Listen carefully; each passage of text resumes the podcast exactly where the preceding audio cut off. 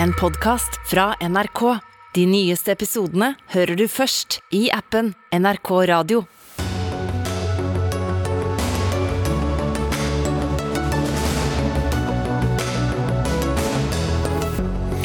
SV vil øke skatter og avgifter med 18 milliarder kroner i sitt alternative statsbudsjett. Allerede i Dagsnytt 18 avslører Senterpartiet hva de vil godta i budsjettforhandlingene som starter over helgen. Folkehelseinstituttet må kutte 300 årsverk etter kutt i årets budsjett. Likevel må de fortsatt prioritere beredskap og overvåking. Litt av en takk, sier overlege på nettopp Folkehelseinstituttet. Nordmenn har aldri spist mer kjøtt enn nå. Hver og en av oss gafler i oss over 50 kilo kjøtt i året. Nå er det på tide å forby kjøttreklame, mener fylkesleder i Grønn Ungdom. Og syns du det er lenge siden du har hørt debatt om søndagsåpne butikker? Have no fear. Dagsnytt 18 is here. Ja, dette er altså Dagsnytt 18. Jeg heter uh, Espen Aas, der vi også minnes uh, Torald Maurstad, som døde i dag, 95 år gammel. Et eh, skatte- og avgiftshopp på 18 milliarder kroner er blant tingene SV mener eh, gjør et bedre statsbudsjett for kongeriket neste år. Partiet la frem sitt alternative budsjett i formiddag, og der foreslås det også å kutte matmomsen for å gjøre mat billigere. I alle fall for en periode. Skatteforslaget fra SV betyr særlig høyere formuesskatt og økte skatter for alle som har en bruttoinntekt på 800 000 eller mer. Så definisjonen av vanlige folk er litt annerledes hos SV enn regjeringen. Men eh, Audun Lysbakken, hva er det viktigste for deg som du tar med, eller dere da, tar med dere inn i budsjettforhandlingene over eh, helgen? Det viktigste er å få til en kraftigere omfordeling. Nå er det mange som uh, sliter med regninger og renter, og vi vil at de rikeste skal betale mer i skatt og bruke de pengene på velferd og økte ytelser til folk som sliter med økonomien. Og så er det i tillegg til det avgjørende for oss å få til et bedre klima- og naturbudsjett, uh, og et budsjett som uh, bidrar mer med solidaritet ute i verden. Så det er de tre. Kraftigere omfordeling, klima og natur og internasjonal solidaritet. Du sa også at enhver person som flytter til Sveits eh, motiverer dere, men da blir det jo ikke mye skattepenger igjen? Nei, men denne skattedebatten er jo Det er jo heldigvis ikke så mange som flytter til Sveits, men det er litt flere som truer med å gjøre det. Eh, og jeg mener at eh, disse her flyttetruslene grenser litt til utpressing av flertallet på Stortinget. Et forsøk på å snu en skattepolitikk som jeg mener vi har tydelig mandat for i valget fra i fjor. Det å få til et mer rettferdig skattesystem. Den viktigste årsaken til at forskjellene forskjellene øker i Norge, at de rikeste drar ifra. Skal en få gjort noe med det, ja, så må en bruke skattesystemet. Nå er det altså mange som har det økonomisk vanskelig. 400 000 husholdninger i Norge rapporterer om at de på, i ulik grad sliter med økonomien, mens det har gått så det griner på toppen av det norske samfunnet i mange år. Så her er det eh, både på høy tid og helt rettferdig med kraftigere omfordeling. Geir Pålstad fra Senterpartiet, du er med oss fra studio i eh, Stavanger. Øke skatter og avgifter med ja, det blir nærmere 40% ut fra eh, deres eget forslag til statsbudsjett. Vil du være med på det?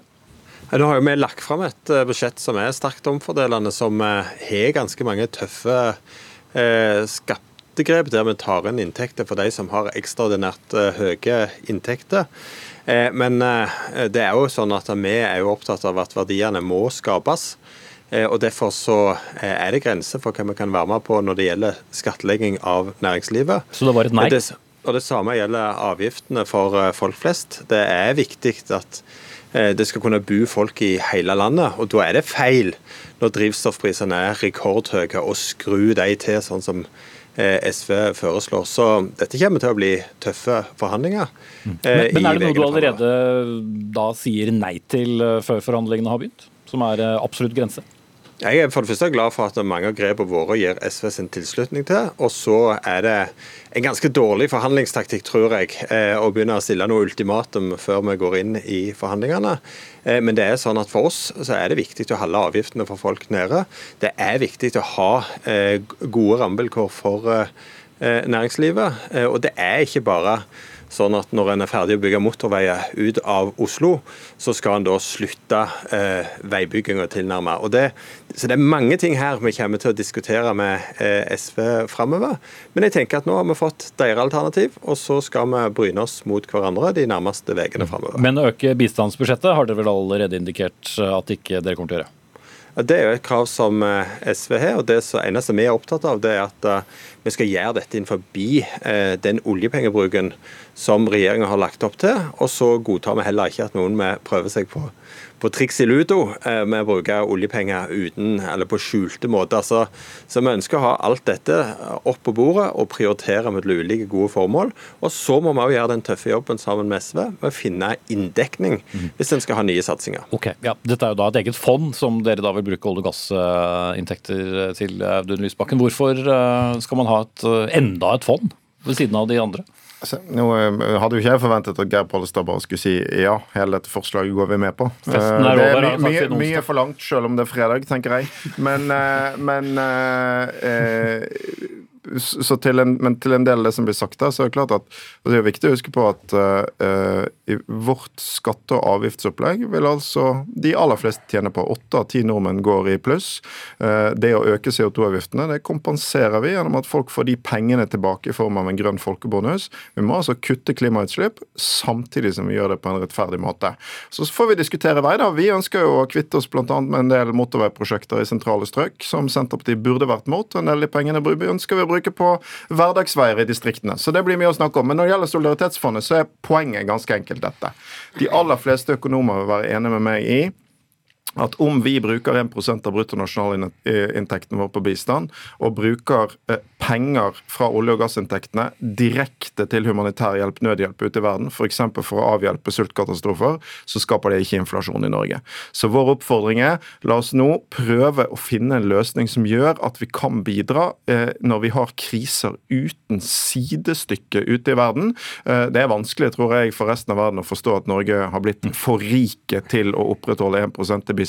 Eh, så vi, Det prinsippet som er viktig for oss, vi inviterer regjeringen med på en dialog om hva som kan være kreative løsninger for å øke solidariteten.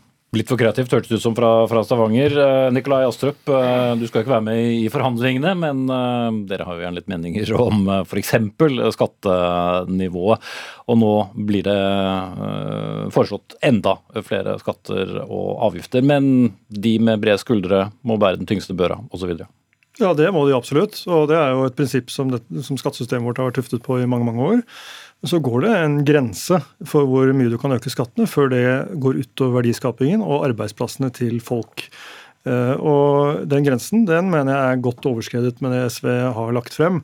Og Hvis SV hadde tatt seg litt bryet med å gå ned i detaljene, så ville de se at en, en ordinær mellomstor bedrift så vil du kan risikere å betale da godt over 100% i skatt på en eh, normal reell avkastning på, på 3 f.eks. Så og Det er klart, det er ikke bærekraftig. Og, og, Da hjelper det ikke at man på papiret ser ut som man har eh, verdier fordi man eier en maskinpark, hvis ikke den maskinparken kaster av seg nok til at du kan betjene de skattene som SV her ønsker å, å, å påføre næringslivet. Så dette, dette, er svært skadelig. Nå snakker vi om med SVs forslag 70 milliarder kroner i skatteøkninger siden Solberg-regjeringen eh, la frem sitt eh, forslag til statsbudsjett for 2022. og Det er ikke lenge siden.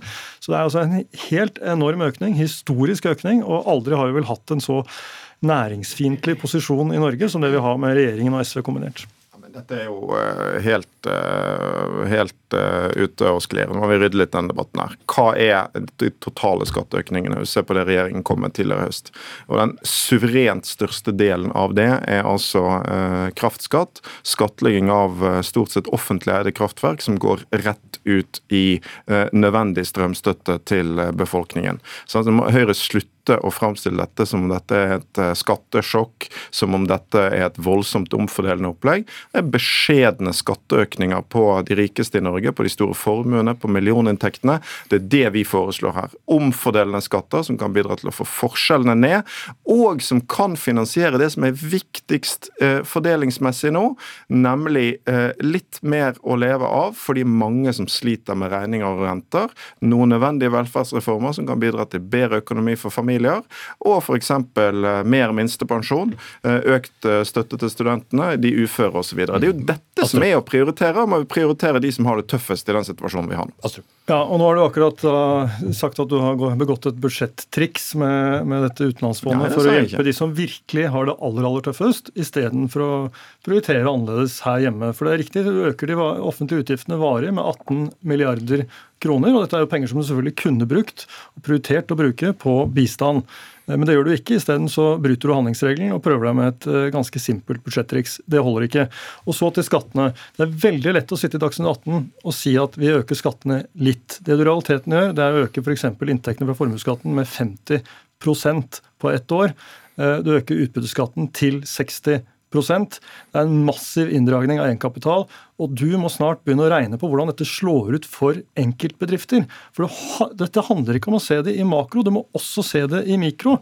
Fordi det er der arbeidsplassene eh, er, og det er det vi snakker om når vi sier at folk skal ha en jobb å gå til. Da må de jo nettopp ha den jobben å gå til. Og den kan ikke gå over ende pga. dine skattetriks. I, I, mange år så har det vært en utvikling mot et mer urettferdig skattesystem i Norge. Det har gått utrolig bra på toppen av det norske samfunnet. Sant? Dette bildet her av at nå skal jeg liksom svarte natten for de som er mest i Norge, er rett og slett feil. Det går svært bra for de som har mest i Norge. Og vår skattlegging, de fleste av våre skatteforslag, er altså skattlegging av eierne, de som har de store formuene, av de som har de høyeste inntektene. Det har de ikke bare råd til, det er på høy tid etter mange år med en mislykket og usosial uh, skattepolitikk. Og Når vi snakker om å regne på konsekvenser, ja, så jeg lurer jo på hvor mye Høyre regnet på konsekvensene av de mange usosiale kuttene som de gjennomførte overfor folk som har lite sin tid i regjering. Poenget er, jo, men poenget er at en prioriterer ulike interesser i samfunnet, og etter mange år med økte forskjeller mener vi det er på høy tid å prioritere annerledes enn det høyresiden gjorde når de var ved makten. Pollestad, hvem er du mest eh, enig av de to herrene i studio? Nei, Jeg synes det er befriende med SV. De har lagt fram sitt alternativ. De viser hva de vil, og så får vi diskutere med dem. Det som jeg syns uh, reagerer med på, på, Høyre, og ber liksom Høyre roe seg kraftig ned, det er at de sitter her og de er altså imot grunnrenteskatten, og de er imot høyprisbidrag på strøm. De er imot for høy arbeidsgiveravgift i en begrensa periode. Men de sier ikke hvordan de skal få sine alternative budsjett til å gå i hop. Jeg har respekt for at de ikke skal legge de fram helt ennå, men det er bare sånn at en raljerer over alt som regjeringa gjør av helt nødvendige ting i en krevende økonomisk situasjon, mens de ikke synliggjør hvordan de skal greie det uten disse skattegrepene mm. i sitt alternative budsjett. Og det må snart Høyre gi et svar på. Hvor har dere tenkt å hente penger fra til slutt? Astrup? Vi skal legge frem vårt alternative budsjett, som da Pollestad åpenbart ikke har så mye respekt for, siden han sier det han sier. Da kommer svaret på det. Men la meg bare si avslutningsvis. altså Alle disse partiene, og vi også, er for et grønt skifte. Det kommer til å kreve tre ting. Det kommer til å kreve kraft, kapital og kompetanse. De to herrer har da lagt frem alternativ som gjør at vi får mindre kraft enn det vi ellers ville fått. Som gjør at kapitalen forsvinner ut av landet istedenfor at den bygger landet her og som ilegger da en ekstraskatt på nettopp kompetanse, som vi trenger mer av i tiden fremover. Det er ikke oppskriften på å ta Norge inn i fremtiden, det er Norge i revers. Mm. Men det er nå de som skal eh, bli eh, enige når forhandlingene starter over helgen. Takk til Nikolai Astrup fra Høyre, Audun Lysbakken, leder av SV, og Geir Pollestad fra Senterpartiet. Lars Nehru Sand, alle partier kommer jo med alternative budsjetter, men dette blir jo det viktigste, for det er nettopp SV som skal sikre flertall for regjeringens forslag til statsbudsjett. Men hvor vanskelige forhandlinger er det egentlig SV har lagt opp til med dette budsjettet? Jeg syns uh, hovedretningen på det SV gjør, er veldig gjenkjennelig og bør være forutsigbart for uh, Arbeiderpartiet og Senterpartiet når de leser grundig gjennom det i helgen. Uh, det er kjent hvor SV og Senterpartiet og Arbeiderpartiet er uenige. Det er kjent hvorfor de brøyt regjeringsforhandlingene på, på Hurdal. Og det ville sikkert vært verre både for regjeringen og, og SV hvis det bare var 1 milliard og ikke 11 milliarder som skilte i formuesskatt, f.eks. For Eh, der disse forhandlingene kommer til å bli tøffe, tror jeg, det handler både om skatteprofilen for at den skal bli omfordelende nok for SVs vedkommende, og eh, klimabiten, kanskje spesielt med tanke på hva som skal gi eh, tydelig gevinst for SV når det handler om oljepolitikken, på toppen av det de allerede har fått i tidligere forhandlinger med denne regjeringen. Mm. Senterpartiet har jo i noen dager nå varslet om at festen er over, uten å helt spesifisere hva denne festen skulle handle om, da. Men kan det bli såpass eh, harde forhandlinger eh, utover de nærmeste ukene at noen må sette hardt mot hardt? Det gjenstår å se. Disse forhandlingene vil ha sin egen dynamikk. Det er helt klart at det at det er veldig lite penger å eh, forhandle om, eh, slik vi skal tolke regjeringen, eh, det kan bli en større kime altså antallet penger enn nødvendigvis hva pengene skal brukes til. Og så er det jo også sånn at veldig mange av de inndekningsforslagene SV har, egentlig ikke er på tale for regjeringen, så man kan se for seg at de diskusjonene blir vel så ille som, som diskusjonen om selve hva SV skal ha av faktiske gjennomslag. Da.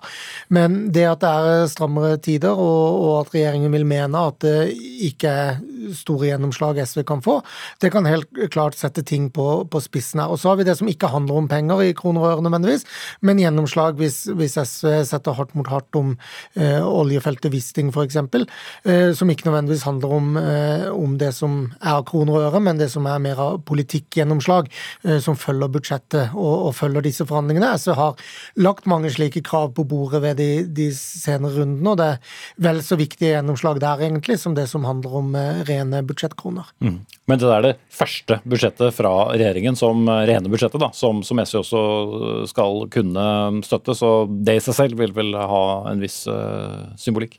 Definitivt, og det er derfor også SV har store forhåpninger til hvilke gjennomslag de skal ha. For de skal begrunne for sine velgere at det lønner seg å stå utenfor den regjeringen kontra å være, være inni den, også når det er strammere tider. Mm.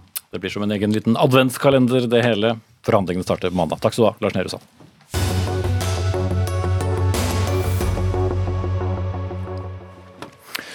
For en snau snaut time siden så kom beskjeden om at Toralv Torald Maurstad er død. Skuespilleren, regissøren og teatersjefen sovnet stille inn nå i ettermiddag. Det opplyste familien til eh, NTB. Han ble 95 år gammel. Og kulturkommentator her i NRK, Ingrid Merete Hobbelstad, her kan man virkelig ha sine ord i behold når man snakker om at en bauta har gått bort. Absolutt. På en måte kan du si at Torald Maurstad var en av de siste store stjernene eh, i norsk film og teater. En som hadde den kraften at, du, at, mange gikk på teatret bare for å se ham spille. Bare for å se hva han ville gjøre med de store rollene av Ibsen, av Shakespeare, eh, av Lars Norén. Eh, så han hadde jo da en slags kraft eh, i egenskap av sin personlighet. Eh, og klarte jo også da dette å bli berømt langt utenfor eh, teaterets grenser, så å si. For du kan si teater er jo seg selv en litt sånn lukket verden. Det er de noen hundre eller som sitter i salen som får se det som skjer der. Men Torald Maurstad var en skikkelse jeg tror nesten hele Norge følte at de kjente og kunne beskrive. Og det sier jo litt om hans, hans personlige karisma og hans nærvær og hans evne til å fortelle historier. Dette at han var en slik markant markant, eh, markant karakter da, i norsk kulturliv. Og et stort spenn. altså Han eh, hadde spilt Per Gynt så mange ganger at han ikke husket eh, hvor mange ganger han hadde spilt da, men samtidig dukket han også opp i TV-serien Hotell Cæsar og nådde ut da til et helt annet publikum, som, som du for så vidt er innom da han ikke bare sto på den vanlige, tradisjonelle scenen. Absolutt. Eh, for det første så det er verdt å ta med at Torald Mærstad var utdannet i England. Han hadde nok med seg en komedietradisjon derfra. Og da var, den perioden han var teatersjef i Oslo Nye, så gjorde han jo det teateret til et komedieteater. Jeg har hørt folk snakke eh, med, med, stjerner i øynene om hans evne til timing. Altså det å på en måte vente med, eh, med ord eller betoningen for liksom at det virkelig skulle treffe da, publikum på den måten, eh, den måten, han ville. Og så har vi jo da dette med at han også nådde ut eh, til eh, enormt store publikumsgrupper gjennom det å ta på seg rollen i Hotell Cæsar. Og dette var jo noe av et tidsskifte i norsk eh, kultur og populærkultur, det også. For før så var det jo et veldig skille. altså Du hadde teatret, det litterære, det høyverdige. Og så var det de mer eh, lettlivede såpeoperaene, TV-seriene på sin side. Og at han førte de to verdenene sammen. Eh, nå er ikke det kontroversielt lenger, men det vakte jo oppsikt eh, i sin tid. Du har jo så vidt innom at han også hadde karriere da som, som teatersjef eh, både på Oslo Nye og, og Nationaltheatret. Hva slags sjef var han? Han, og hvordan la man, la man merke til at nettopp Torolv Maurstad satt på toppen? Han var eh, en omstridt sjef. altså Han var svært ambisiøs eh, på vegne av seg selv og på vegne av teatrene. Eh, han kom nok inn i en tid der mange forventa at teatrene skulle bli mer egalitære, og hadde nok store visjoner som han kanskje forventet å få gjennomslag, gjennomslag for. Det var store streiker på den tiden, han, han sparket jo en rekke skuespillere ved Oslo Nye Teater, så det var stormkast rundt ham. Men oppi dette så bevarte han jo sin voldsomme sjarm, og, og det er jo blitt fortalt mange ganger, det er jo at selv hans fiender fiender endte jo opp med å elske ham, fordi det rett og slett var fryktelig vanskelig å gjøre noe annet sånn i det lange løp. Torald vi gikk altså bort i dag, 95 år gammel. Takk skal du ha, Inger Merete Hobbelstad, kulturkommentator i NRK. Og det blir jo selvsagt mer om hans rikholdige liv i Dagsrevyen klokken 19 på NRK1, og se ellers også våre nettsider.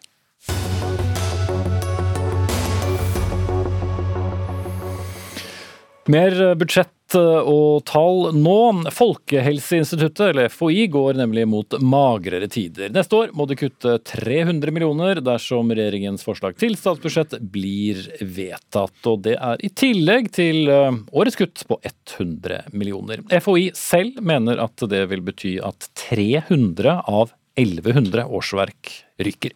Samtidig har FHI også fått beskjed av regjeringen om å prioritere overvåking og beredskap. Og akkurat når det spørsmålet, Bjørn Iversen, overlege på Folkehelseinstituttet, så skrev du i Dagens Medisin kort og godt 'a dream on'.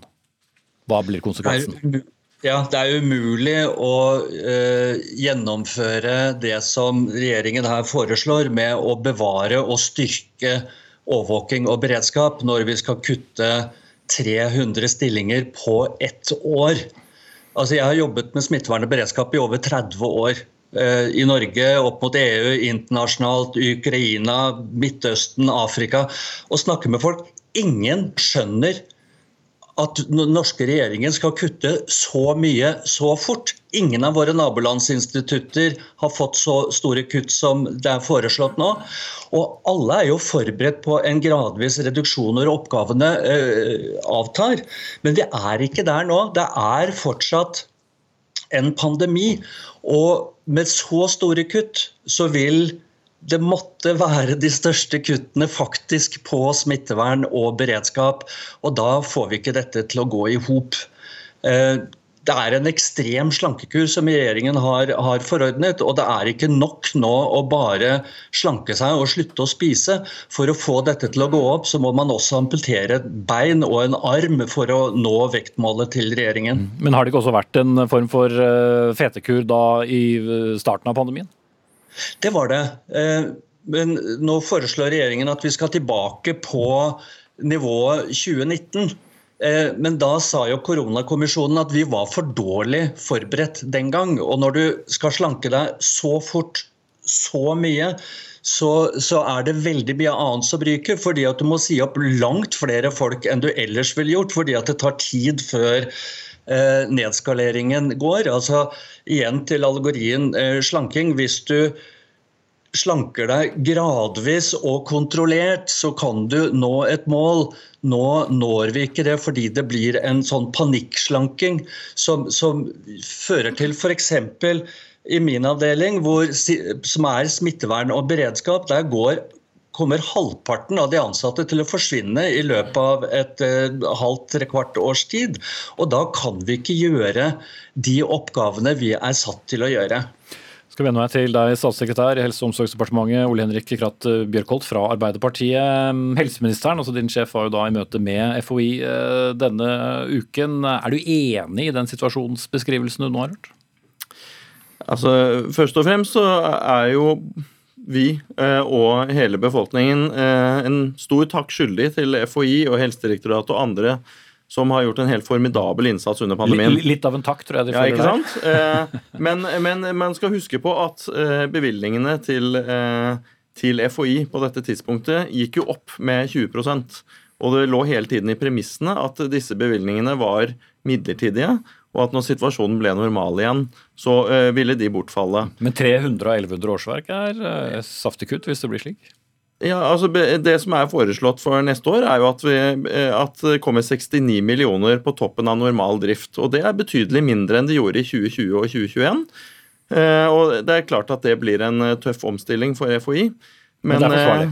Det er, mener vi er fullt forsvarlig. Du må huske på at FHI har jo dette som en kjerneoppgave også lenge før pandemien, å drive overvåkning og smittevernsarbeid. Mm. Men nå er det fortsatt en pågående pandemi, om enn i mindre skala? Det er en pågående pandemi globalt, men i Norge så er trusselen veldig lav. Vi har en godt vaksinert og immunisert befolkning. Eh, og vi har en, en leve med-strategi som regjeringen har innført, eh, som FHI har en viktig rolle i å overvåke situasjonen. Fordi FHI er en da underliggende etat av departementet, så ønsker ikke du å, å debattere med, med, Iversen fra FHI. Men Kjersti Barsok, forbundsleder for NTL, eller Norsk tjenestemannslag, dere er da den største fagforeningen på, på FHI, FHI. Hva bekymrer deg med dette kuttet? Nei, Det bekymrer oss jo, som det blir sagt her, at man eh, tar bort pengene før oppgavene har forsvunnet. Og vi er bekymra for beredskapen i stort og hvordan dette vil gå utover både de ansatte, men også samfunnsoppdraget som FHI har, eh, har ansvaret for. Altså beredskapen? Vi, ja, vi skjønner jo at koronamidlene ikke kommer til å vare evig, men å gjøre et så brått og stort kutt som dette vil ha enormt store konsekvenser. og Det, det bekymrer oss, og det uroer de ansatte, selvfølgelig. Og så må jeg si for ordens skyld at vi er nok nest størst i FHI. Jeg trodde det var det jeg sa, for det er manus, men for all del er det eh, påpekt eh, igjen. Men hvor er det da eh, FHI bør kutte, sett fra departementets synsvinkel? Ja, nå, er ikke, nå, er det ikke, vår oppgave å instruere FHI hvordan de skal disponere pengene, men eh, selv med en nedbemanning som skisseres her eh, Hver fjerde stilling. Ja, Da vil de fortsatt være oppe på samme bemanning som de var i 2018 og 2019. Eh, og eh, FHI var eh, i god stand og var en dyktig aktør i å overvåke sykdomsaktivitet og epidemier også før pandemien inntraff. Så Det som er forskjellen fra 2020 og 2021, er at det er ikke lenger en helt ekstraordinær situasjon. Bark. Koronakommisjonen viste oss jo at vi ikke var godt nok forberedt når pandemien ramma. Det er jo en grunn til at man oppbemanna så mye som man gjorde. Og jeg er jo helt enig at vi skylder dem en stor takk. De har gjort helt formidabel innsats under pandemien, og det har blitt jobba vanvittige mengder overtidstimer i den virksomheten. Og som programlederen sa, det er litt av en, litt av en takk. Og det var ikke et personlig syn, men det var bare en merking. Ja. ja. Nei, men om man nå også varsler at man skal ha en gjennomgang av helseforvaltningen, så er det klart at uh, i FHI, når man gjør disse kuttene nå, før den gjennomgangen, gangen, så stusser vi jo veldig på det. Og skal man lykkes med sånt, så må man også ha kapasitet til å gjøre de undersøkelsene som trengs. Og jeg tviler sterkt på at man har den kapasiteten i FHI etter dette. Og det var jo også nedbemanning før pandemien. Eh, da satt ikke dere i regjering, for all del. Men eh, allerede da sa jo også FHI at dette gikk utover ting. Og nå skal det bemannes ned igjen. Ja, altså Nå går bevilgningene tilbake til 2018- og 2019-nivå. og Så gjør vi en større gjennomgang av hele helseforvaltningen for å se om vi driver med dobbeltarbeid. Er det FHI og Helsedirektoratet gjør de samme tingene, kanskje? Er det eh, rasjonell måte vi fordeler oppgavene på? Det, vi har jo et ansvar for å forvalte statens og befolkningens midler best mulig. Og så må vi huske på at det er jo andre trusler som truer Norge nå. Nå er det krig i Europa og energikrise. Så vi er jo forpliktet også til å gjøre prioriteringer, og det er det vi har gjort i dette budsjettet. Men det skal jo fortsatt overvåkes uh, mulige nye pandemier? Helt opplagt. og Vi har også bevilget 69 millioner utover normal drift til FHI også for 2023. Hvordan er situasjonen i våre naboland? Vi er ikke kjent med at det er foretatt noen sånne type kutt i våre naboland. og Som det blir sagt innledningsvis her, så, så, er man jo undrende til at man gjør dette i helseforvaltningen. Og vi vet ikke hva den neste krisa er, men at vi trenger god beredskap i helseforvaltningen, det er det ikke noe tvil om. Så vi, er, vi har stor forståelse for at den økonomiske situasjonen er krevende, men å kutte i FHI på denne måten før oppgavene er falt bort, det er vi altså sterkt kritiske til og mener er en skikkelig dårlig idé.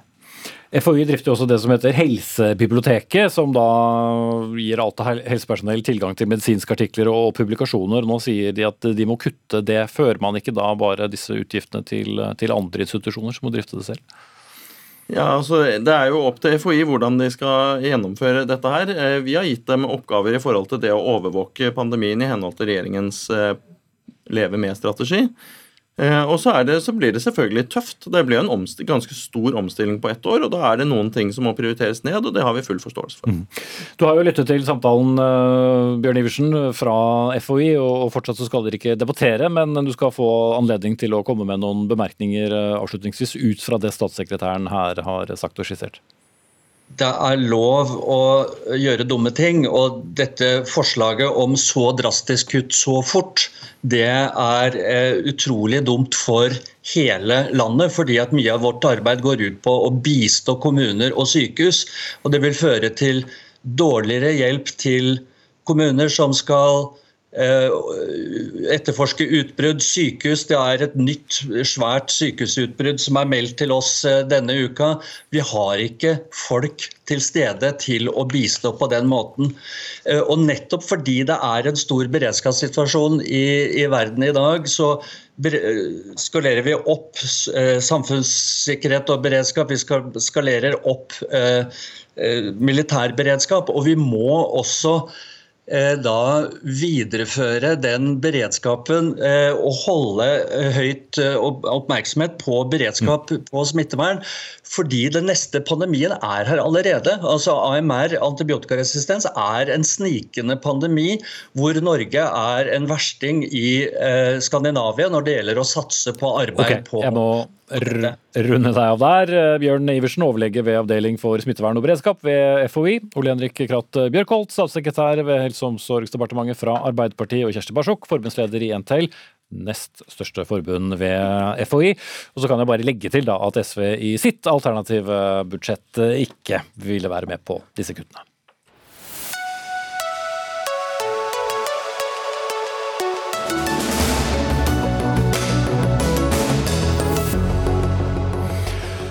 Så til en eh, klassiker til eh, glede for nye seere og lyttere, nemlig debatten om søndagsåpne butikker. For det er en debatt som aldri ser ut til å stilne. Og nå er det Unge Høyre som mener at det er på tide å forandre åpningstidsloven, slik at det er fullt lovlig å holde butikker åpne også på ukens eh, siste dag. Noen har jo lov, som eh, kjent, og får unntak, og det handler om kvadratmeterstørrelse eller virksomheter, som blomsterbutikker f.eks. Og Ola Svenneby, Dagsavisen denne uken, har fortalt om utfordringer da i hovedstaden, en av bydelene der. Vi trenger ikke gå inn i detalj, men det har igjen åpnet døren for, for denne debatten, og du vil fjerne hele dette forbudet. Hvorfor er tiden inne? Jeg tror det først og fremst er fordi at vi har et lovverk som ikke fungerer. Det er veldig mange smutthull som går på kvadratmeter, eller hva butikkene selger, eller om det er definert som en turistkommune eller ikke. Og så kan fylkes- eller statsforvalteren legge ned veto om at man får definere eh, seg som en turistkommune. Og da tror jeg rent prinsipielt hvert fall, så er det bedre at butikkene kan styre egne, sine egne åpningstider. Og hvis ikke man får til det, så kan man fint la kommunene selv avgjøre når butikkene får, får være åpne innenfor gitte rammer, i hvert fall. Men dette har jo vært tingenes tilstand i mange år år, og bare navnet Brustadbu er jo så gammelt at uh, mange av din generasjon vil ikke huske hvorfor dette navnet kom til en gang. Men hva er det som gjør det annerledes i 2022? Men akkurat nå så var det at man så flere eksempler på at det var butikker som var jeg vet ikke, 120-110 kvadratmeter som holdt åpent, og så var det noen som ropte på at politiet burde, burde bøtelegge butikkene. Jeg tror politiet i Norge har bedre ting å gjøre enn å være et slags kvadratmeterpoliti, og at det er mye lettere å la butikkene holde åpent når det er et uh, marked som blir etterspurt, uh, etterspurt der også. Og det er 600 000 nordmenn tror jeg, som jobber hver søndag fra før av også. Mm. Gaute Børstad Skjervø, du er nestleder i eh, AUF, Arbeiderpartiets ungdomsorganisasjon. Dette er feil retning, eh, sier du. Hvorfor? Nei, det er jo en typisk eh, Unge Høyre-sak. Det å skulle åpne så flere folk kan kjøpe seg hva de vil på søndag kveld. Jeg var nylig i Danmark, og det er fantastisk frihet å kunne kjøpe brennevin på butikken når som helst tidas timer. Men problemet her er at Ola Sennebys frihet det handler om friheten til å kunne kjøpe hva du vil. Men hva med alle dem da som skal stå i den butikken, som ikke har friheten til å si nei når arbeidsgiveren pålegger dem å jobbe søndag, når de ikke har muligheten til å ta fri sammen med familien, eller gå i marka, sånn som vi ønsker at søndagen jo tross alt skal være. Og Det er jo den frihetsdiskusjonen som nå melder seg igjen, og som unge Høyre igjen da vil ta med til torgs. Enig at det er et typisk Unge Høyre-forslag. Eh, men eh, i alle de andre nordiske landene så er det ingen, be, ingen begrensning eller bestemmelser som sørger for at det er stengt på søndager. Og søndager er fortsatt en annerledes dag, og det kommer det til å være også. Spørsmålet er om staten skal gå inn, og at vi skal ha et politi som går inn og måler hvor mange kvadratmeter en butikk er, eller måler en andel planter butikken selger for at den skal ha lov til å være åpent eller ikke. Og så kan man godt, Jeg er også med på at man kan ha noen begrensninger, at man, så lenge man liberaliserer det regelverket, men det har man jo også stemt, eh, stemt nei til. senest senest i 2018, det regelverket vi har i dag. Det fungerer ikke, og det gir ikke mening. og Da mener jeg at det er bedre at man lar dette være opp til, eh, opp til folk når de ønsker å handle. Og Hvis du tar nettopp det poenget da, med, med disse unntakene, er du enig i at det kan fremstå som noe pussig? At eh, hvis butikken din er 100 eh, kvadrat, så er det greit. Er den 102 kvadrat, så er det ikke greit. Selger du planter og blomster, så er det greit. Selger du mat på et litt større område, så er det ikke greit? Ja, Det er jo resultatet av politiske kompromiss som sørger for at det er mulig å kjøpe melk og brød hvis du trenger det på en søndag, men hvor man ikke ønsker et frislipp i butikk og varehandel som sier at folk som egentlig har lyst på fri, skal tvinges på jobb. og Det er jo det som er konsekvensen av det Unge foreslår. vil jo være at En ting er de som skal på butikken, men også skal jo varene fraktes dit. Folk må komme seg på jobb. Du åpner porten for en dominoeffekt som jeg tror er ganske bekymringsverdig, fordi ganske mange folk da vil miste muligheten til å ha fri på søndag og bli tvunget ut i jobb. og Det vil ha konsekvenser som er mye mer vidtrekkende enn bare varehandelen også, som for øvrig også ganske mange mennesker. Sånn. Først og fremst er det jo arbeidsmiljøloven som regulerer hvor ofte og hvor lenge og hvor mye man kan jobbe, og det er veldig bra. Også unger er for det. Og så er det vel sånn at nesten én av tre kommuner eller sånt, eller ganske mange kommuner, de er definert som turistkommuner. Det gjør jo at veldig store deler av Norge, i Trysil f.eks., store hyttekommuner, så er det jo søndagsåpne butikker uten at samfunnet faller sammen fra den del, at man mister en annerledes dag av den grunn. Dette handler først og fremst om nettopp at man kan ha en litt større frihet til de som er næringsdrivende. og så tror jeg også da at særlig for studenter i de store byene, sånn som f.eks. Oslo, så er det, også, um, er det, også, eh, nok folk som ønsker å, ønsker å jobbe de, de Og Må du jobbe på, på, søndag, så får du jo heller fri eh, en annen dag? Ja, hvis det var så enkelt arbeidslivet i Norge var, så skulle man gjerne ønska det. Men det er jo ikke sånn at butikker i Norge og varehandelen, transportfirma kan holde åpent og bare si at her kan alle studenter jobbe på søndag, også få resten fri. Det er ikke sånn det fungerer. Du må ha fagfolk som gjør den jobben. Og hvis du er ung og i arbeidslivet og du får beskjed om at du skal jobbe på søndag fordi da arbeidstida er, så har du ikke muligheten til å si nei til det, selv om du egentlig skulle vært sammen med kjæresten eller skulle lest eksamen eller andre ting. Så jeg tror det her er å finne en måte å unnskylde Unge Høyres politikk på som gir frihet til folk, mens det egentlig i praksis går på bekostning av folks frihet til å ha fri på søndager, som er en unik og fantastisk mulighet som folk i Norge har, pga. de politiske kompromissene man har funnet fram til gjennom mange år. Mm. Og folkekravet, hvor stort er det egentlig med søndagsåpne butikker? Hvis du virkelig må ha melk og brød, så får du det jo et eller annet sted. Ja, og da er køen ganske lang, så det måten folk handler på, handlemønsteret, tilsier hvert fall at det er et visst behov der. og Hvis du selger planter, så er det mulig. Hvis du bor i en turistkommune, så, er det mulig. Hvis du uh, har 99 kvadratmeter på Grünerløkka, så er det også mulig. Så det er ganske mange som handler, handler, fra, handler fra før av. Og jeg tror ikke at en liberalisering vil føre til at nordmenn går Eh, mann av huset for å gjøre et søndag til den store shoppingdagen. Jeg er helt sikker på at det kommer fortsatt til å være en annerledes dag. De fleste butikkene kommer til å holde stengt, men vi kommer til å slippe diskusjoner hvor vi skal ha et eh, krav om at politiet skal måle opp antall kvadratmeter på butikker i Oslo. men Ingen som mener at politiet skal inn og håndheve den loven, men poenget er jo at du åpner døra for en kultur som sier at folk må stå i jobb, uavhengig av om det er kunder, fordi at kjøpesentrene bestemmer åpningstida på sentrene. Da kan ikke butikkene si at det er mulig å holde stengt. Du må på jobb, kanskje etter ti om kvelden, når du egentlig skulle hatt fri, og det er jo en konsekvens av en politikk butikken til å åpne. Folk får ikke mer penger å handle for, så du bare sprer da pengene utover hele, hele, hele, uka og tror at det gir folk mer frihet. Tvert imot så tar det friheten fra folk, og det går på bekostning av folk som jobber i varehandelen, og de som skal skaffe varene til, til den industrien. Mm. Vi kommer sikkert til å diskutere det igjen. Ola Svenneby fra Unge Høyre og Gaute Børstad Skjerve fra AUF, takk skal dere ha.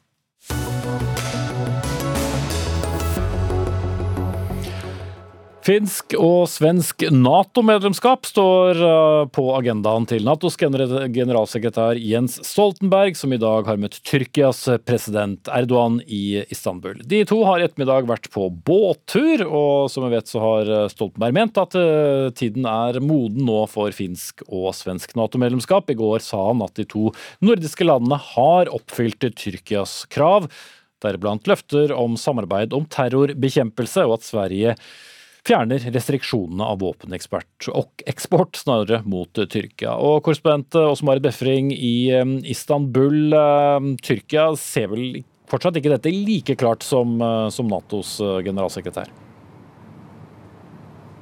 Nei, det gjør de uh, trolig ikke. Tvert imot så har de igjen uh, gjentatt her at uh, Tyrkia ikke vil godkjenne Sverige og Finland som medlemmer før de har oppfylt avtalen.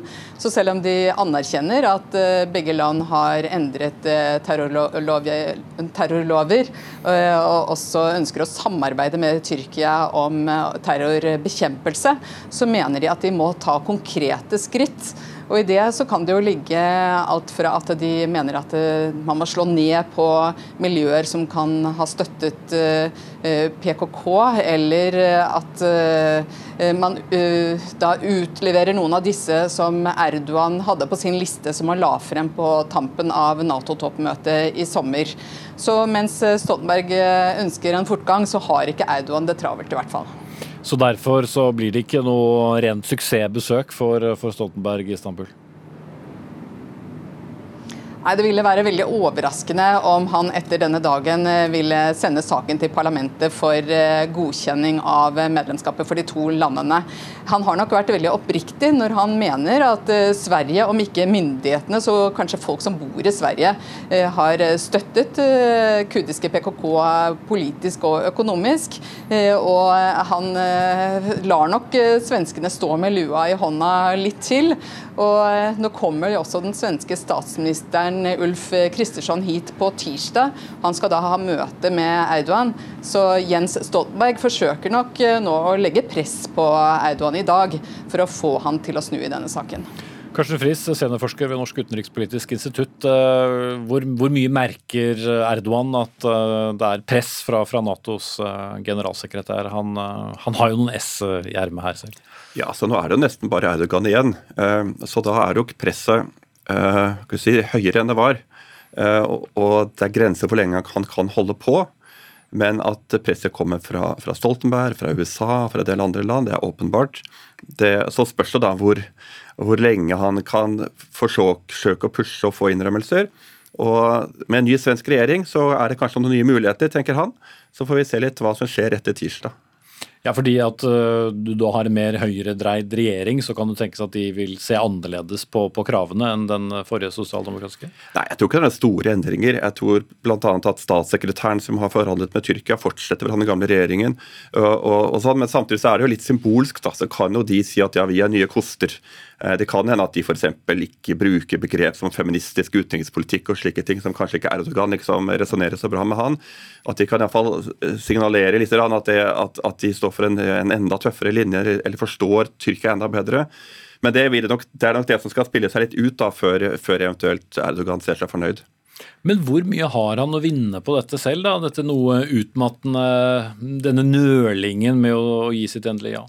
Nei, det er jo det, da. Eh, og, og her må jeg lede meg på Tyrkia-eksperter, men, men, eh, det er jo valgkamp på gang i Tyrkia. Eh, det skal være til våren. Så mange gjetter frykter at dette vil vare helt gjennom valgkampen, at han skal være en sterk mann, og at dette løser seg først til neste Nato-toppmøte i Vilnius neste sommer. Og det er jo ganske lenge til. Og hvis, hvis Natos generalsekretær forsøker å legge press allerede nå, så kan det bli travel. Ja, fordi, men altså, det er bare Tyrkia igjen. Og i alle praktiske formål så er jo Sverige Finland medlem. Så det er litt sånn hvor lenge kan han, Erdogan altså, eh, holde dette her uten at det blir en belastning? Og Det er spørsmålet. Og, og i Tyrkia, Osmarit uh, Befring, eh, vinner Erdogan på dette? Ja, Han får i hvert fall oppmerksomheten bort fra en økonomisk krise som han sliter med nå bare måneder før et ganske avgjørende valg. Så på den måten så kan man jo si at han vinner noe på dette. Og det er jo også veldig populært blant hans velgere når han fremstår som en sterk mann ute i verden. Eh, men eh, samtidig så klart, eh, han ønsker jo å være et godt Nato-medlem. Det understreker de jo hele tiden. Så det er jo en grense også for hvor lenge han kan holde på. Krigen i Ukraina er jo for så vidt bakteppet for eh, disse Nato-søknadene til, til, eh, våre naboland. Men Erdogan har jo også en, en slags rolle der med sitt forhold til, eh, til Russland. Også Marit Befring, hvor mye spiller det inn på dette besøket? Det er en veldig viktig sak som de kommer til å snakke om, sikkert også har snakket om gjennom dagen. De har jo vært på en båttur, som du sa. Der var også kona deres, Ingrid Skjullerud, og fru Eidoan med. Eh, og den varte og rakk i flere timer. Og så eh, har de hatt eh, møte og middag. Så det er en uh, vesentlig uh, sak på bordet, men, men, det overskygges jo av uh, dette med Nato-medlemskap for Sverige og Finland. For det mener jo Jens Stoltenberg haster. Mm. Ja, Friis, er det ett av S-ene som Erdogan har? At han kan, kan, vise til at han er en viktig mulig bakkanal? Åpenbart. åpenbart. Nå kommer han ikke til å blokkere dette her. Det kommer til, kommer til å si ja til slutt. Dette er tøff forhandling. Sånn at, eh, sånn at, vi skal ikke bekymre oss hvor dette ender, men, men, eh, det er litt hvor lang tid det tar. Og, og det er ubehagelig for Sverige og Finland å ikke ha liksom alt på plass, selv om de i praksis har det. Så er det noe med å kunne komme inn i f.eks. prosessen i Nato-systemet med å, å, være med på felles planverk. Få satt inn sine offiserer i staber og slike ting. Det er veldig mye praktisk som skal gjøres.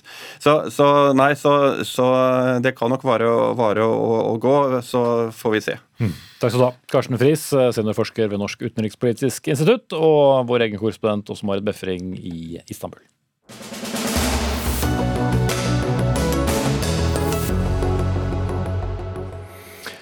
Grønn eh, ungdom vil ha forbud mot eh, kjøttreklame. For nye tall fra bransjeorganisasjonen Animalia viser at vi spiser mer kjøtt her hjemme enn eh, noen gang. I fjor spiste hver nordmann over 50 kilo kjøtt, eller over 130 gram hver eneste dag. Og da er det på tide å sette kjøttet i bås sammen med alkohol og tobakk, og rett og slett forby kjøttreklame, sier du til Dagbladet Frøya Skjold Sjulsæter, fylkesleder for Grønn Ungdom Vestland. Hvor skal det være forbudt å reklamere for kjøtt? Det skal jeg fortelle deg. I dag så bruker vi eh, tre ganger så mye penger på markedsføring av kjøtt som vi bruker på markedsføring av frukt og grønt. Det mener jeg er helt absurd. Verdens helseorganisasjon, Verdens matvareorganisasjon og eh, FNs klimapanel sier at å spise mer eh, plantebasert og mindre eh, rødt kjøtt, altså storfe, sau og gris, er en forutsetning for at vi skal kunne mate verdens befolkning om 30 år. I tillegg så er kjøttkutt bra for folkehelsen. Det vil redusere jordbrukets utslipp av klimagasser, og det vil redusere matproduksjonens belastninger på naturen.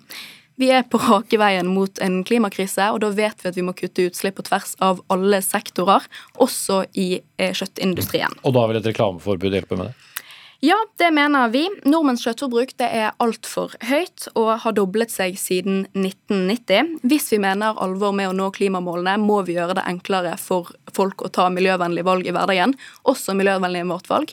Og For å gjøre det så må vi endre forbrukervanene, og for å endre forbrukervanene må vi endre hvordan forbrukerne påvirkes, og vi påvirkes gjennom reklame.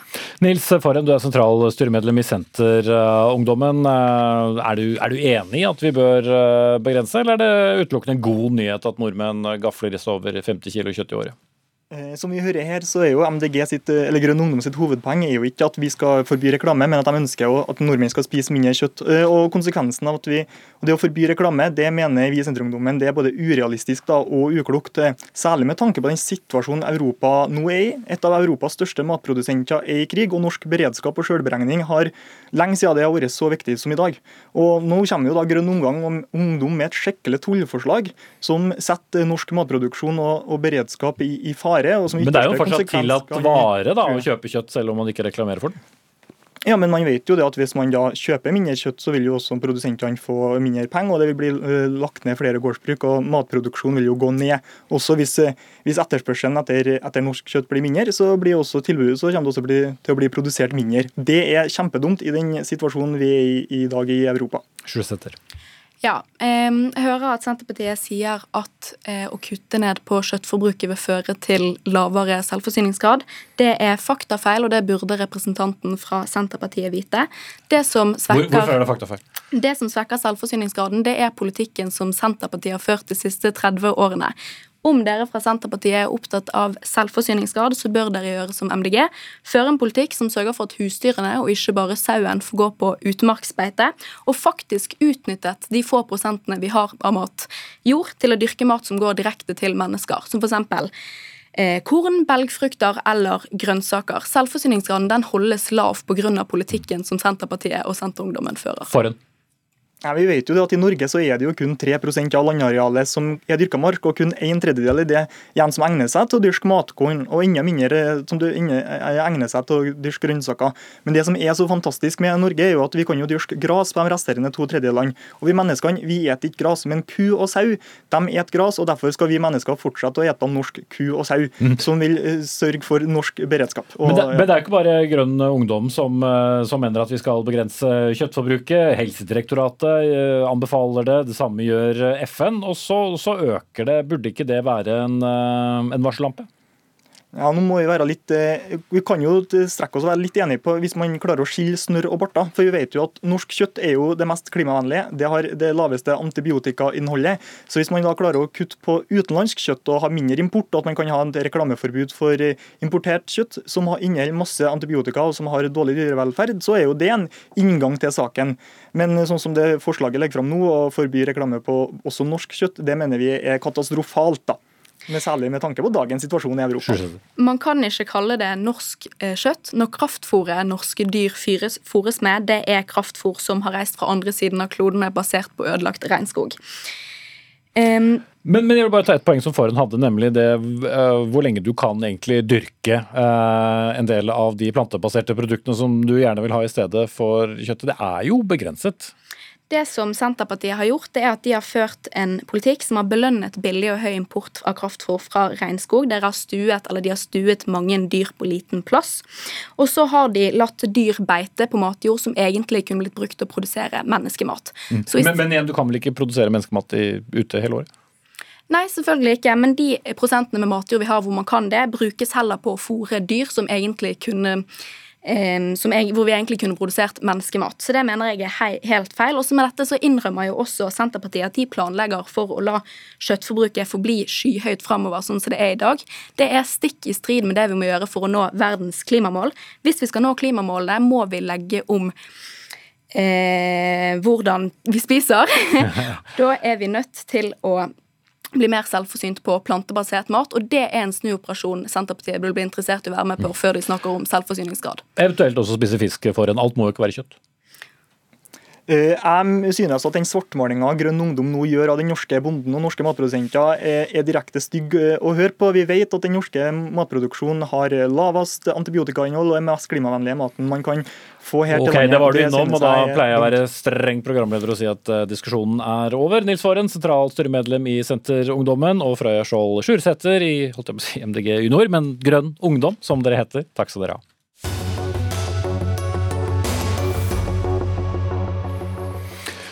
Til slutt i dagens Dagsnytt 18 sløsing i det offentlige. Eller snarere hvordan det hele presenteres og omtales hos den liberale tankesmien Civita. Vi snurrer film. Politikere og byråkrater bruker andres penger. Derfor er de dømt til å sløse. Vi ser stadig eksempler på kostnadsoverskridelser i kommunale prosjekter og sløsing i det offentlige. Ja, Det hele er en uh, liten smakebit av en vel over fem minutter lang video med tittelen 'Offentlig sløsing er naturgitt', som trekker frem flere eksempler på kostnadsoverskridelser i kommunale prosjekter og sløsing i det offentlige, enten det er uh, turer eller da bruk til, uh, til disse prosjektene. Hovedtesen er at du sløser ikke med egne penger, men med andres. Milton Friedman, eh, amerikansk økonom, eh, nå avdød, tidligere vinner av Nobelprisen i økonomi, er en eh, sentral person i, fremstillingen. Og konklusjonen er i alle fall at offentlig sektor må bli mindre for å redusere sløsing. Og Trygve Svensson, daglig leder i Tankesmien Agenda, du var veldig ivrig på å kalle dette for en absurd fremstilling. Hva er det absurde? Det er jo, det er jo helt reelle eksempler altså, som vises til. Det som i hvert fall er forfriskende, er jo at høyresidens tenketank er veldig tydelig på hva som er høyresidens syn på offentlig sektor på velferdssamfunnet. Så det syns jeg jo er bra, for da kan vi jo ha liksom en litt ordentlig debatt om dette her. Men altså, eh, mens vi sitter her i et trygt og varmt studio, så er det altså nå folk, eh, forsvaret vårt, som patruljerer norsk sokkel og sikrer energitrygghet til Europa. Politiet er ute i gatene og sørger for at byene er trygge. Det fins folk som tar vare på våre eldre. Eh, kanskje noen hører på denne debatten. Kanskje de er litt sliten for de har brukt hele uken på å passe på ungene våre. Kanskje, men, men kanskje, det, det videoen peker på, er jo ikke ja. det. Den peker jo på store prosjekter som har overskredet med milliarder, og som kanskje, går på våre skattepenger. Kanskje Espen Aas, så lager de taco, og den er blitt mye dyrere det siste året pga. krisen, pga. at vi lever i krisehøsten 2022. Og akkurat denne høsten så kommer altså Civita med en video som ikke bare faglig sett er helt feil, fordi at privat sløsing er et mye større problem enn offentlig sløsing. Den viser jo òg den viser også en ganske grunnleggende forakt for den enormt viktige jobben som hverdagsheltene som jobber i det offentlige gjør. Skal få snakke mer om hverdagsheltene, men vi må jo ta inn deg, da. Aslak Versto Storsletten, som er rådgiver i, i denne tankesmien, og du står bak denne videoen. Hva er det du vil med den? Eh, altså, det er ikke mennesker som arbeider i det offentlige som er problemet, sånn Svensson fremstiller det. Det er systemet og det er den politiske kulturen som er problemet. Det er en evig konkurranse, og det ser vi særlig nå når det er statsbudsjett, og vi ser det hvert eneste år. Det er en evig konkurranse om å hele tiden be om mer og bevilge mer. Og så spinner jo Svensson dette, fordi han sammenligner det med privat sløsing, og han skjønner jo selv at det er forskjell på offentlig og privat sløsing og offentlig pengebruk. Privat sløsing er ikke en bra ting, jeg er ikke for privat sløsing, men jeg er helt sikker på at folk flest ikke bryr seg om hvor mange toaletter det er på hyttene til Reitan og co. Det de bryr seg om, det er helt underordnet. Det som betyr noe, det er at når etatsansatte drikker vin for 22 000 kroner av skattepengene, når staten prioriterer å bruke 3 milliarder kroner på en skipstunnel som ikke er samfunnsøkonomisk lønnsomt, det er problematisk mm. fordi det er fellesskapets midler. Men la meg uh, henstille oppmerksomheten tilbake på det jeg faktisk spurte om. Hva ville du med videoen? Jeg ville vise at uh, offentlig sløsing er et enormt problem i Norge. Vi har, altså det, det er selvfølgelig Eksemplene er stiliserte, det, men det er fenomener som er virkelige og viktige. Det er lettere å bruke eierløse penger mer slurvete, mindre omsorgsfullt. Og dette er viktig å diskutere nettopp fordi i Norge så har vi flere offentlig ansatte enn noen sammenlignbart land. Vi har eh, en offentlig forbruk som representerer over 60 av fastlands-BNP, og da må vi diskutere okay. disse tingene. Og vi er i gang. Ja, og ta det litt sånn foraktfulle begrepet da, som det kommer fram i videoen, byråkratene, eller embetsverk, som det også kalles i Norge. I Norge scorer vi altså topp på alle internasjonale kåringer med en av de mest effektive offentlige sektorene. Den er ukorrupt, det er høykompetente folk. Eh, og Det er faktisk en av de viktigste grunnene til at vi er et skikkelig bra land. Så eh, Mens lederen i Civita for eksempel, tjener 2,7 millioner i årslønn, noe som er nok, nok til å lønne fem barnehageansatte eller tre-fire eh, eh, som jobber i embetsverket, og, som jobber med sånne ting, og, og, jobber med sånne ting som matvaresikkerhet, eh, PST, eh, folkebiblioteker, altså viktige ting, så er altså det sløsing. Og da mener jeg rett og slett at de har frekkhetens nådegave. Stort sett. Ja, dette er, Det er forskjell på offentlige og private penger. Igjen, og En million eller to på et offentlig budsjett det høres lite ut, men det er skatten fra en vanlig arbeidstaker i x antall år. Jeg kan forsikre Svensson om at jeg er langt ifra eh, millionlønn. og Det er da mine skattepenger. Jeg bruker flere år på å betale inn disse skattepengene som eh, eh, etatsansatte kaster bort på masse rart. Eller eh, Fornebubanen i Bærum, som koster 26 milliarder, kommer til å koste enda mer. Altså Dette er uh, ufornuftig bruk av penger, uh, og det er offentlige penger. Det er en ekstremt stor forskjell på offentlige penger og private penger. Hva, hva, er det skaden de gjør med denne videoen, ja, ja. Nei, altså, tenker du? Hovedbudskapet fra offentlig sektor, det, nei, nei, fra, fra høyresiden er jo at vi skal strupe offentlig sektor. Uh, og ja, altså La oss bare ta eksemplene fra denne uken, da. Vi har altså hatt den, de eierne av den største barnehage, private barnehagekjeden i, i Norge de har reist tatt med seg to milliarder av foreldre og skattebetalere og flyttet til Sveits med de pengene. Jeg vet ikke hva de kommer til å bruke de på, men jeg regner med det blir litt sløsing. Eh, vi har også kommet, de det, også kommet, det har også kommet fram at direktøren for den største private, sånn som eh, Civita ønsker seg private eh, eh skolekjeden Akademiet, Eh, når han stiller opp på dugnad på 17. mai og griller pølser, så fakturerer han 1000 kroner timen for det. Det er den typen samfunn du får hvis du privatiserer mer av det offentlige, som selvfølgelig er hensikten med denne videoen. Eh, og så må jeg bare legge til Milton Friedman som på en måte filosofisk ledestjerne i 2022. Det er fryktelig utdatert. Han var udemokratisk, og mye av den tankningen er grunnen til at vi endte med finanskrise og store, store problemer i verden. Det blir veldig tenketankete hvis vi skal diskutere han uh, lenge, men uh, Ja, det er en viktig tenker. Han trekker f.eks. frem barnehageeiere som eksempel på, uh, på, på, privat sløsing. Men altså, disse får støtte basert på private barnehagers eh, drift. Så det illustrerer heller bare at det er sløsing i det offentlige hvis disse private eierne klarer å tjene penger. fordi de er jo vel så gode, det viser all statistikk. Og ja, Freeman hans tanker var mer populære før, men vi kan lære av døde mann. Du er sikkert glad i John Menner Kanes. Vi må kunne bruke John Menner Kanes sine ideer, selv om han er død, og siden han var mest populær i etterkrigstiden. Man kan jo få inntrykk av at vi er et eliteprogram her som dere slenger alle disse navnene mot hverandre. Men, men til slutt, er det, er det ikke legitimt å peke på at vi har noen råtne egg eh, ja, også i offentlig sektor? Vet du hva, Det er jeg kjemper for, og det er f.eks. en viktig oppgave for pressen. Og vi i Agenda vi har vært med sammen med Skattebetalerforeningen og Civita by the way, og, og delt ut sløseriprisen. For vi er utrolig opptatt av at når du bruker at skattepenger som skal gå til velferd, faktisk skal gå til velferd. Men det dette går inn i, er jo altså Hvis du ser den videoen, så er det jo altså et gigant altså Selve premisset er at det ligger i det offentliges natur å sløse. Og det er en absurd påstand påstand. Norge er en av verdens beste land å bo i fordi vi har en veldrevet offentlig sektor. og det er det tonnevis av forskning som viser. Kort, kort. Det er litt realistisk at offentlig sektor skal bli mindre, jeg innrømmer det, men den bør gjøre mindre. Sammenlignbart med f.eks. Danmark, Sverige, Finland. Velfungerende land velfungerende land som har langt mindre offentlig sektor Chile. enn det vi har i Norge. Ok, jeg setter strek der. 680 ganger er den blitt sett på YouTube. Jeg vet ikke hvor mange ganger du så den før du skulle forberede deg, Trygve Svensson, daglig leder i Tankesmien Agenda. Og så hadde vi Aslak Verstad Storsletten, rådgiver i Tankesmien Civita. Altså en tenketank fra hver sin side av det politiske spekteret der. Denne sendingen er over. Gro Arneberg var ansvarlig for innholdet. Ragnhild Bjørlykke tok seg av det tekniske. Jeg heter eh, Espen Aas. Vi kommer tilbake igjen over helgen. Takk for nå.